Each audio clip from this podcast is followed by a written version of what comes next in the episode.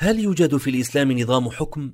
بقلم الدكتور عماد الدين خيتي من مقالات العدد الثالث عشر من مجلة رواء في محور حضارة وفكر رجب عام 1443 هجرية شباط فبراير 2022 للميلاد مدخل من العبارات التي يرددها البعض في الحديث عن المسائل السياسية أن الشريعة الإسلامية لم تأتي بنظام محدد للحكم وإنما جاءت بمبادئ عامة وقواعد كلية وخطوط عريضة وقيم ذات صبغة إنسانية.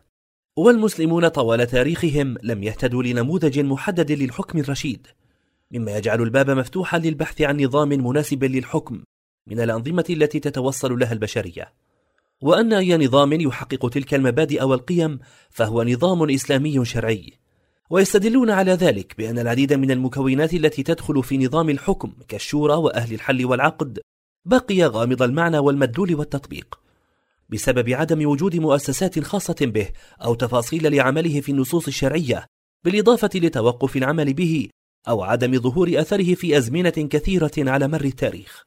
مما يجعله ضمن نطاق المبادئ العامة والقيم والقواعد الكلية لا النظام والمقالة التي بين أيدينا لمناقشة هذه المقولة.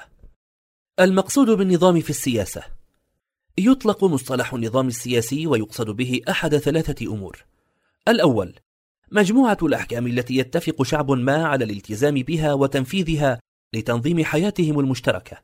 الثاني مجموعة المؤسسات السياسية التي تترابط فيما بينها وتكون الجهاز التنفيذي في الدول بما يشمله من أجهزة تشريعية ورقابية وقضائية وتنظم عملها.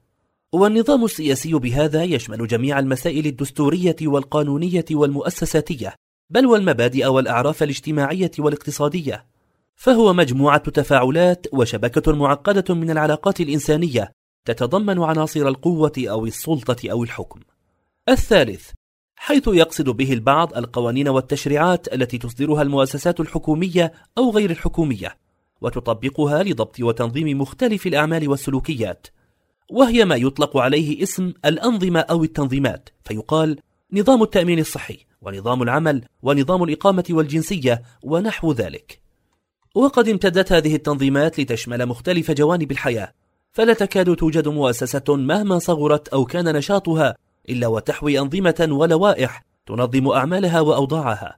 ولعل شيوع هذه التنظيمات من أوجه تميز هذا العصر عما سبقه من العصور في أمور الإدارة. ما نوع النظام الذي ينفونه عن الإسلام؟ مقولة إنه ليس في الإسلام نظام حكم تحتمل عدة معان.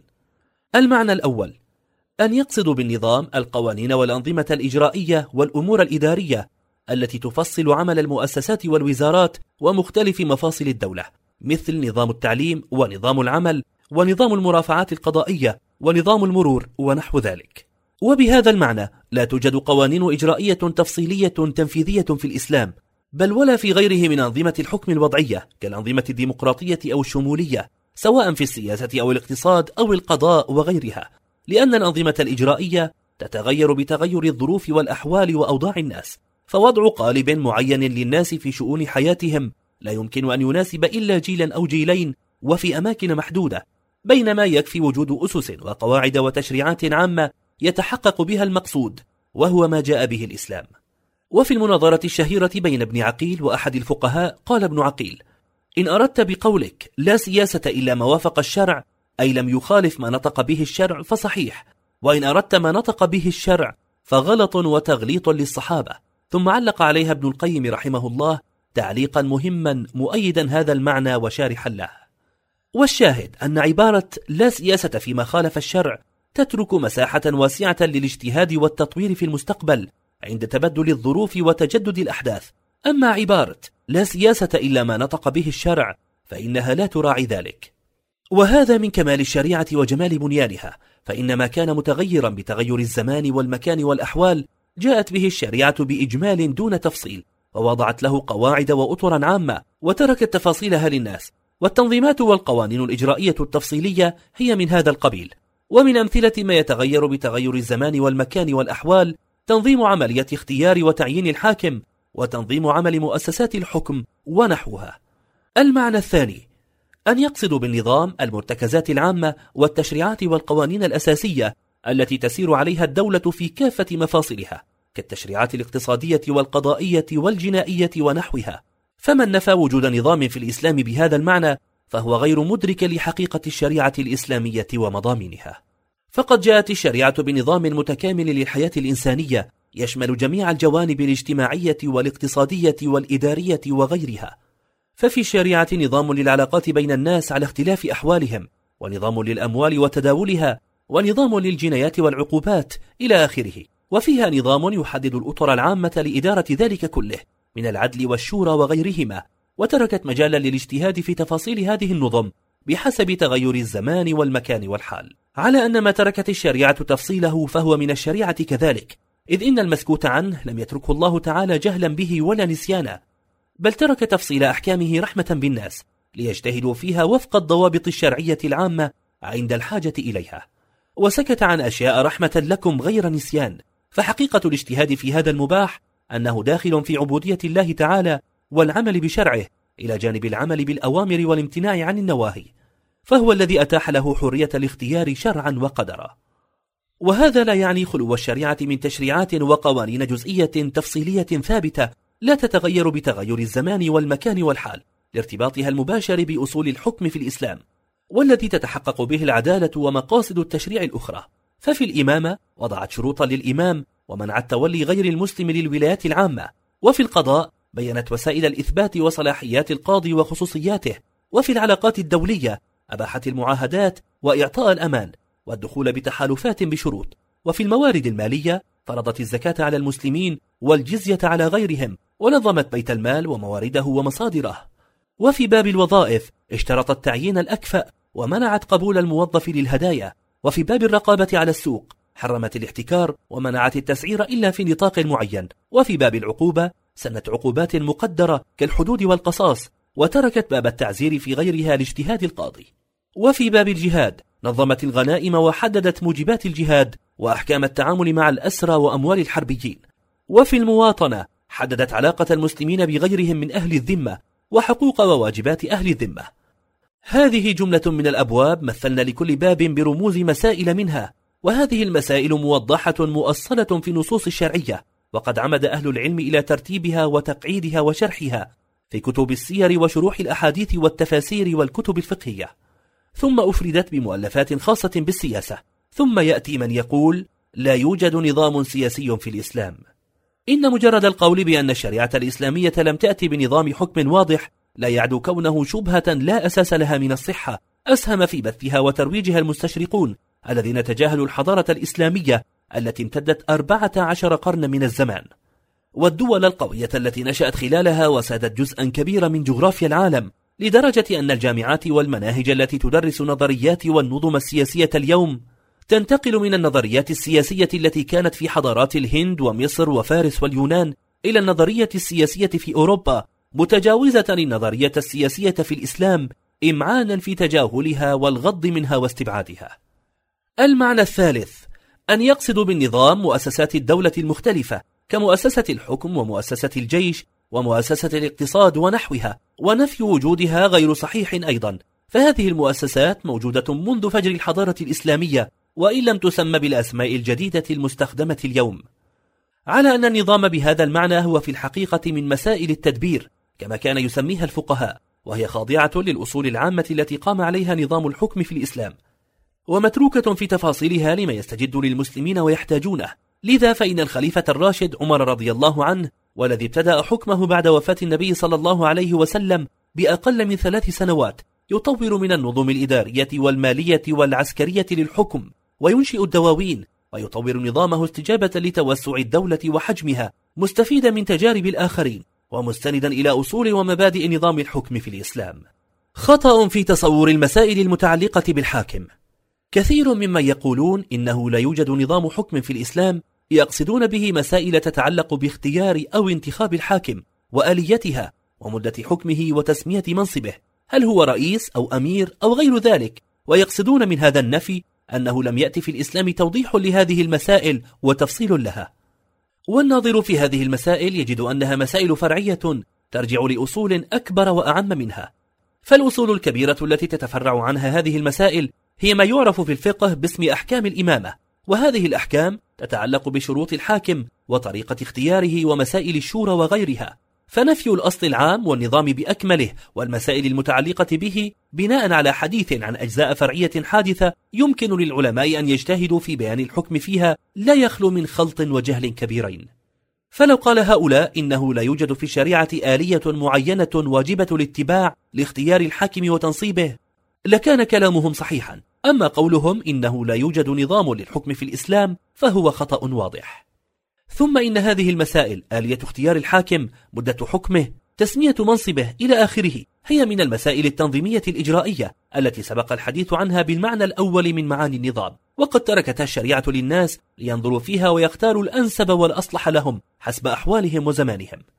أما المسائل التشريعية التنظيمية العامة فقد وضعت أسسها الشريعة ولم تتركها لاجتهادات الناس ومرئياتهم. ومن هذه الأسس الشروط التي ينبغي أن تتوفر في الحاكم حتى تصح توليته. أن يكون اختيار الحاكم برغبة الأمة وقرارها مع إعمال الشورى وتحريم التغلب على الحكم. حقوق وواجبات الحاكم والرعية.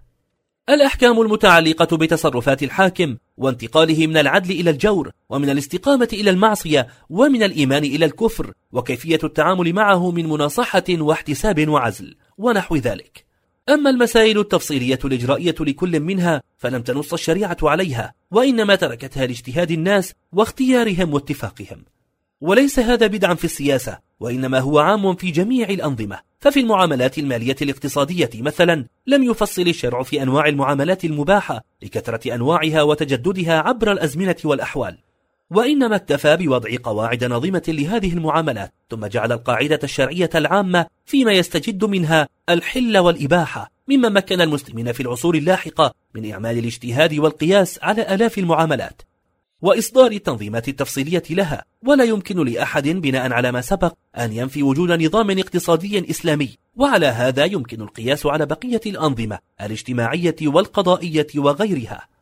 فجعلهم عدم تشريع هذه الإجراءات التفصيلية والنص عليها دليلا على عدم وجود نظام في الإسلام خطأ بين. مبادئ وكليات لا تشريعات. يذكر بعض من يردد مقولة أنه لا نظام سياسي في الإسلام أن غاية ما جاء به الإسلام إنما هو مبادئ وقيم عامة وكليات من غير تفصيلات أو تشريعات جزئية. ومن هذه المبادئ والقيم المشتركة إنسانيا العدالة والحرية ونحوها. وهذا القول غير صحيح لأمور. أولا أن هذا الادعاء قائم على تصور أن المبادئ مجرد عناوين عامة لا تحوي تشريعات تفصيلية وهذا خطأ واضح. إذ لا يمكن أن يوجد نظام ولو كان من صنع البشر يحتوي على مبادئ فقط دون تفاصيل تشريعية أو قانونية. فهذه المبادئ والقيم لها تفسير مختلف عند كل أمة ولها في كل نظام قوانين تفصلها وتوضحها وبذلك تختلف من أمة لأخرى. لذا فليس الأمر بالنسبة للمسلمين في موافقة الأمم الأخرى بمبدأ العدل ولا بمبدأ الحرية ولا غيرها وإنما الأمر في القوانين والأحكام المفسرة والمنظمة لهذه المبادئ والتي تميز الأمم عن بعضها وترسم هوياتها الخاصة بها. فمن المتفق عليه أن هناك أحكاما شرعية في سياق العدل مرفوضة في ثقافات أخرى جملة وتفصيلا ومثلها في ميدان الحريات والحقوق. فكيف السبيل إلى تطبيق المبادئ والقيم؟ فإن قلنا بما ينتجه البشر في تجاربهم وبما يبدعونه في تشريعاتهم فهذا خروج عن الشريعة. وإن قلنا بأنه لا سبيل إلى ذلك إلا بما ورد في الشريعة فقد بطل الادعاء من أصله. ولزم القول الذي لا محيد عنه وهو أن الإسلام لم يقف فقط عند حدود المبادئ العامة والقيم الكلية.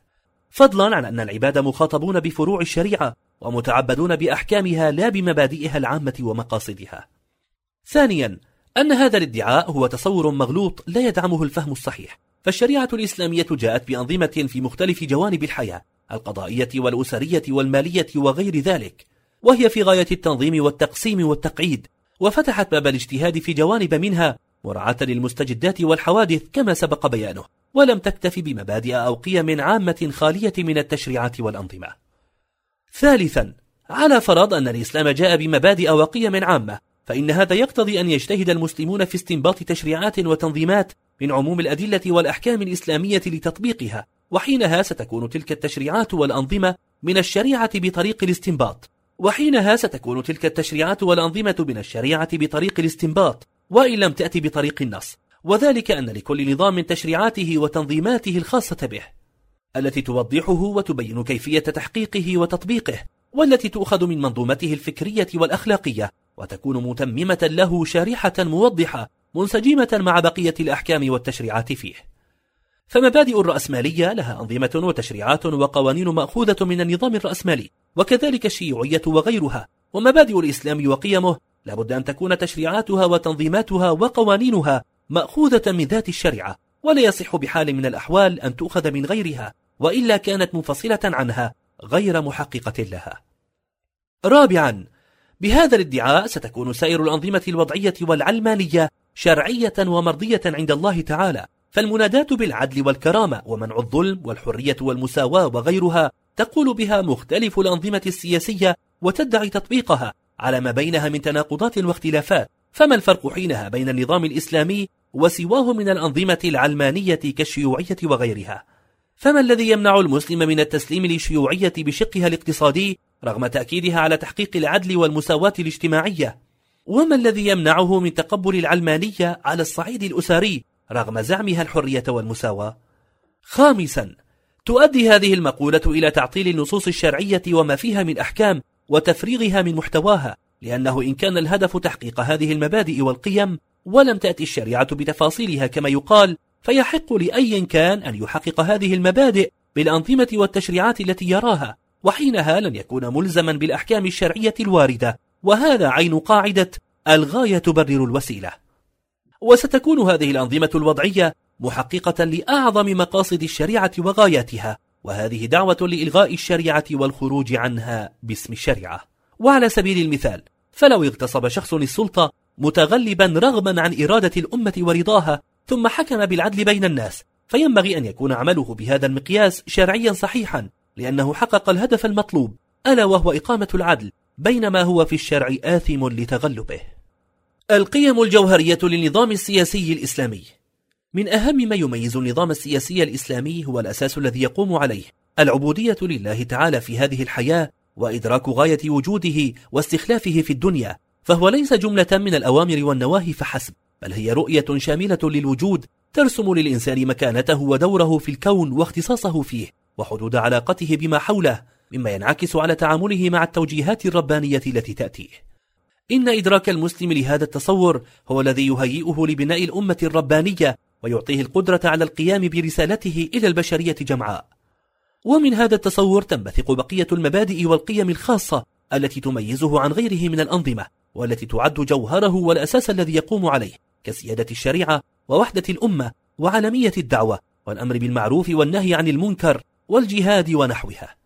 وهذه القيم الجوهرية هي الحاكمة والشارحة والمفصلة للمبادئ والقيم التي يشترك النظام السياسي الإسلامي مع غيره من الأنظمة شكليا في خطوطها العامة ولكنه يختلف معها في الحقيقة والتفاصيل. ومن جهة المراد النهائي منها وهو تحقيق العبودية لله عز وجل وسعادة البشر في معاشهم ومعادهم مما يوضح الاختلاف الكبير بين هذه الأنظمة وفي تطبيقات التشريعات والقوانين التي تندرج تحتها.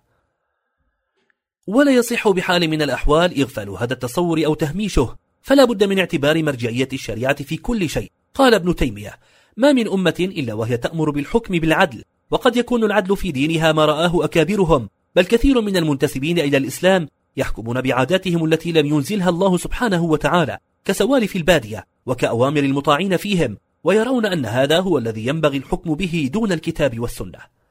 وأما العبارة المنتشرة بقولهم متى وجدت المصلحة فثم شرع الله؟ أو إذا ظهرت أمارات العدل وأسفر وجهه بأي طريق كان فثم شرع الله ودينه. فهي من العبارات المشكلة التي لابد من ضبط معناها. قال الشيخ القرضوي إذا كان بعض الناس يقول حيث توجد المصلحة فثم شرع الله فهذا صحيح فيما سكت عنه الشارع وتركه لاجتهادنا وعقولنا. أما فيما عدا ذلك فالصواب أن نقول حيث يوجد شرع الله فثم المصلحة. ما صحة القول بأنه لا يوجد برنامج سياسي لمن يقولون بوجود نظام سياسي في الإسلام؟ مما يستدل به من يطلق هذه المقولة عن نظام الحكم في الإسلام أنه لا يوجد برنامج سياسي واضح ومحدد لمن يقولون بوجود نظام سياسي في الإسلام من الجماعات والأحزاب وأنهم لا يملكون مشروعا ولا خطة للاقتصاد والتعليم والخدمات وغيرها وأنهم يختلفون بينهم في ذلك اختلافا كثيرا. وهذا يدل على أنه لا يوجد نظام إسلامي للحكم متفق عليه. ويجاب عن هذا بأن البرنامج السياسي للحكم داخل ضمن المعنى الأول للنظام والذي سبق الحديث عنه وهو ما تركته الشريعة لاجتهاد الناس. ثم إن عدم وجود برنامج سياسي محدد عند حزب أو جماعة ما لا يعني عدم وجود نظام فيها. فالاختلافات بين برامج هذه الأحزاب والجماعات هي اختلافات إجرائية مما لا يخلو منه حزب ولا جماعة في أي مكان في العالم. ولا يمكن بحال من الأحوال أن تتطابق أو تتماثل فيها. فالأحزاب والجماعات وبرامجها السياسية هي من ضمن الأساليب والوسائل التي يدخلها الاجتهاد ويحكمها الوسع والاستطاعة وهي مما يتنافس به الناس ويتباينون ويلجؤون فيه لسلطان الأمة للحسم. وليست هي أحكام الشريعة نفسها ولا هي نظامها الرباني. ثم إن البرامج السياسية تكتب عادة في سياقات محددة عند وجود دول مستقرة وتداول للحكم. أي أنها والدة للحاجة الواقعية وكتابتها خارج تلك الحاجة لا يخلو أن يكون ترفا فكريا من جهة أو مثاليا غير واقعي من جهة أخرى. بل إن البرامج السياسية في الدول المستقرة تتجدد عند الاستحقاقات الانتخابية بسبب تغير الظروف والأوضاع بغض النظر عن مرجعيتها الفكرية والمبادئ الجوهرية التي تنبثق عنها. خطورة دعوى أنه ليس في الإسلام نظام حكم. تتمثل خطورة هذه الدعوة في عدة أمور. أولا أنها تنزع عن السياسة في الإسلام أهم خصائصها وهي حق التشريع لرب العالمين وتسنده إلى البشر وتدعو إلى تأسيس الأحكام على الاختيارات البشرية زعيمة بأنها أحكام شرعية لدخولها تحت مبادئ عامة وغايات شرعية وهذا من تبديل شرع الله.